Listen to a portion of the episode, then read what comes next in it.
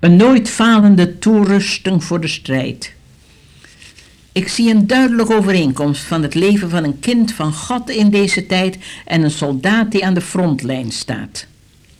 We lezen het in Efeze 6, vers 10. Voorts, wees krachtig in de Heer en in de sterkte zijner macht.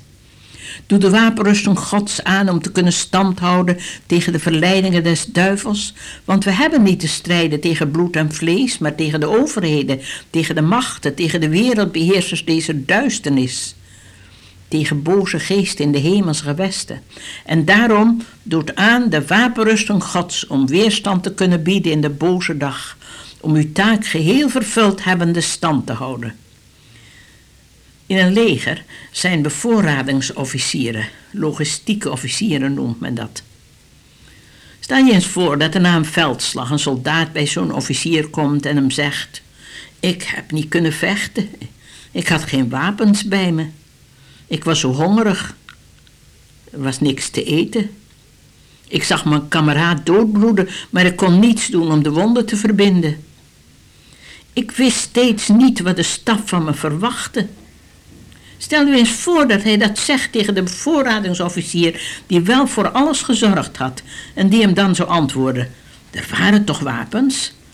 Er was toch een voorraad van eten dat ik had laten neerzetten? Je had toen toch die verbandtrommel met snelverband? Stel je voor dat de soldaat zou antwoorden: Oh ja, snelverband, maar die heb ik gebruikt om mijn schoenen te poetsen. Of dat hij zou zeggen, ik wist aldoor niet wat ik moest doen. Dan zou die bevoorradingsofficier, die logistieke officier kunnen zeggen...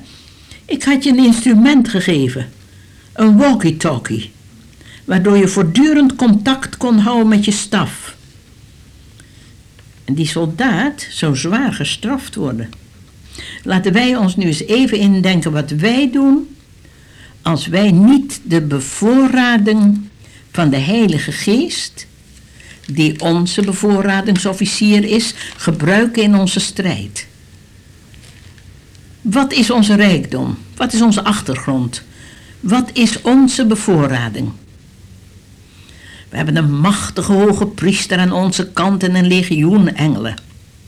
We hebben de, eh, de voorbeden voor de Heer Jezus zelf en door de Heilige Geest. Luister maar, in Romeinen 6 vers 28 staat...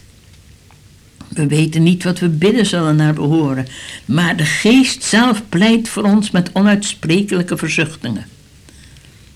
In vers 34, Christus Jezus is de gestorvene, wat meer is de opgewekte die ook voor ons pleit.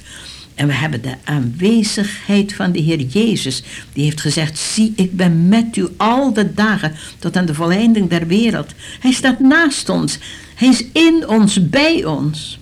We staan op overwinningsgrond.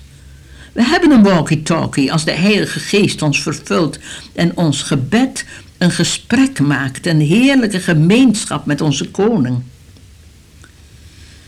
Ik hoorde pas dat in Oost-Duitsland een klein meisje op school moest opschrijven: Ik geloof niet dat God bestaat. Ze kon dat niet schrijven. En ze schreef: Ik geloof dat God bestaat.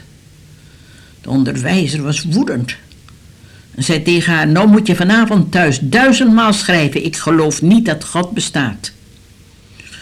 Toen het kind thuis kwam, zei ze tegen haar moeder, dat kan ik niet doen. Ik geloof dat God bestaat. En haar moeder zei, schrijf dan maar op wat je gelooft. En ze schreef duizend keer, ik geloof dat God bestaat. Toen ze de volgende dag naar school moest, was ze heel erg bang. Maar toen ze in de klas kwam, was een andere onderwijzer. Die morgen was haar eigen onderwijzer omgekomen bij een auto-ongeluk. Ja, zij die met ons zijn, zijn veel sterker dan die tegen ons zijn. Toen ik een poosje geleden ergens naartoe moest waar het gevaarlijk was, kwam even de angst boven. En toen zei iemand tegen me: Als jij binnenkomt, komt Jezus binnen. Hè? Ja, dat is waar, want Jezus is in ons en wij in Hem, Hij in ons. Gods bevoorrading, Gods logistieken zijn volmaakt. We hebben voedsel nodig. En de Bijbel is het brood wat nooit oud wordt. Hemel en aarde gaan voorbij, maar het woord van God blijft tot in eeuwigheid. We hebben de instrumenten, de kijkinstrumenten, de verbinding met het hoofdkwartier. De Heilige Geest geeft ons dat door zijn volheid. Hij maakt ons bidden een gesprek met de generale staf. Kijk, een logistieke officier kan heel veel doen, maar als de soldaat niet gehoorzaamt, de moed verliest of in angst verkeert en de voorraad ongebruikt laat liggen, dan is die officier onbekwaam hem te helpen. Ik vrees dat als wij naderhand het oordeel over ons leven horen, dat we soms beschaamd zullen staan als we zo arm geleefd hebben. Als we zouden zeggen, ik was zo belast, zo bezorgd, zo onrustig, zo vermoeid. Ik zat zo onder mijn zonde. Dan zou het antwoord krijgen, belast? Je had toch mijn woord, kom tot mij, allen die vermoeid en belastheid, en ik zal je rust geven. Je was bezorgd, maar er stond toch in de Bijbel, werpt al je bekommernissen op mij, maar je kwam niet. Stel je voor dat we zouden zeggen, ik kon niet vergeven, ik was zo verbitterd. Ik kon het zwart op wit van de zonde van anderen niet verbranden. Ik kon niet vijanden lief hebben, dat ging boven mijn krachten. Dan zou het antwoord zijn, had je niet een Bijbel waarin staat in Romeinen 5 vers 5... de liefde Gods is uitgestort in onze harten door de Heilige Geest die ons gegeven is. Er was toch een oceaan van Gods liefde voor jouw persoonlijk gebruik, elke minuut van de dag en de nacht. Stel je voor dat je zou zeggen, ik had zo'n last van mijn zonde. Dan zullen we horen, heb je geen Bijbel? Heb je nooit gelezen in 1 Johannes 1, vers 7 en 9? Als we onze zonde beleiden, de Heer is waarachtig en getrouw onze zonde te vergeven en het bloed van Jezus maakt ons rein van alle zonde.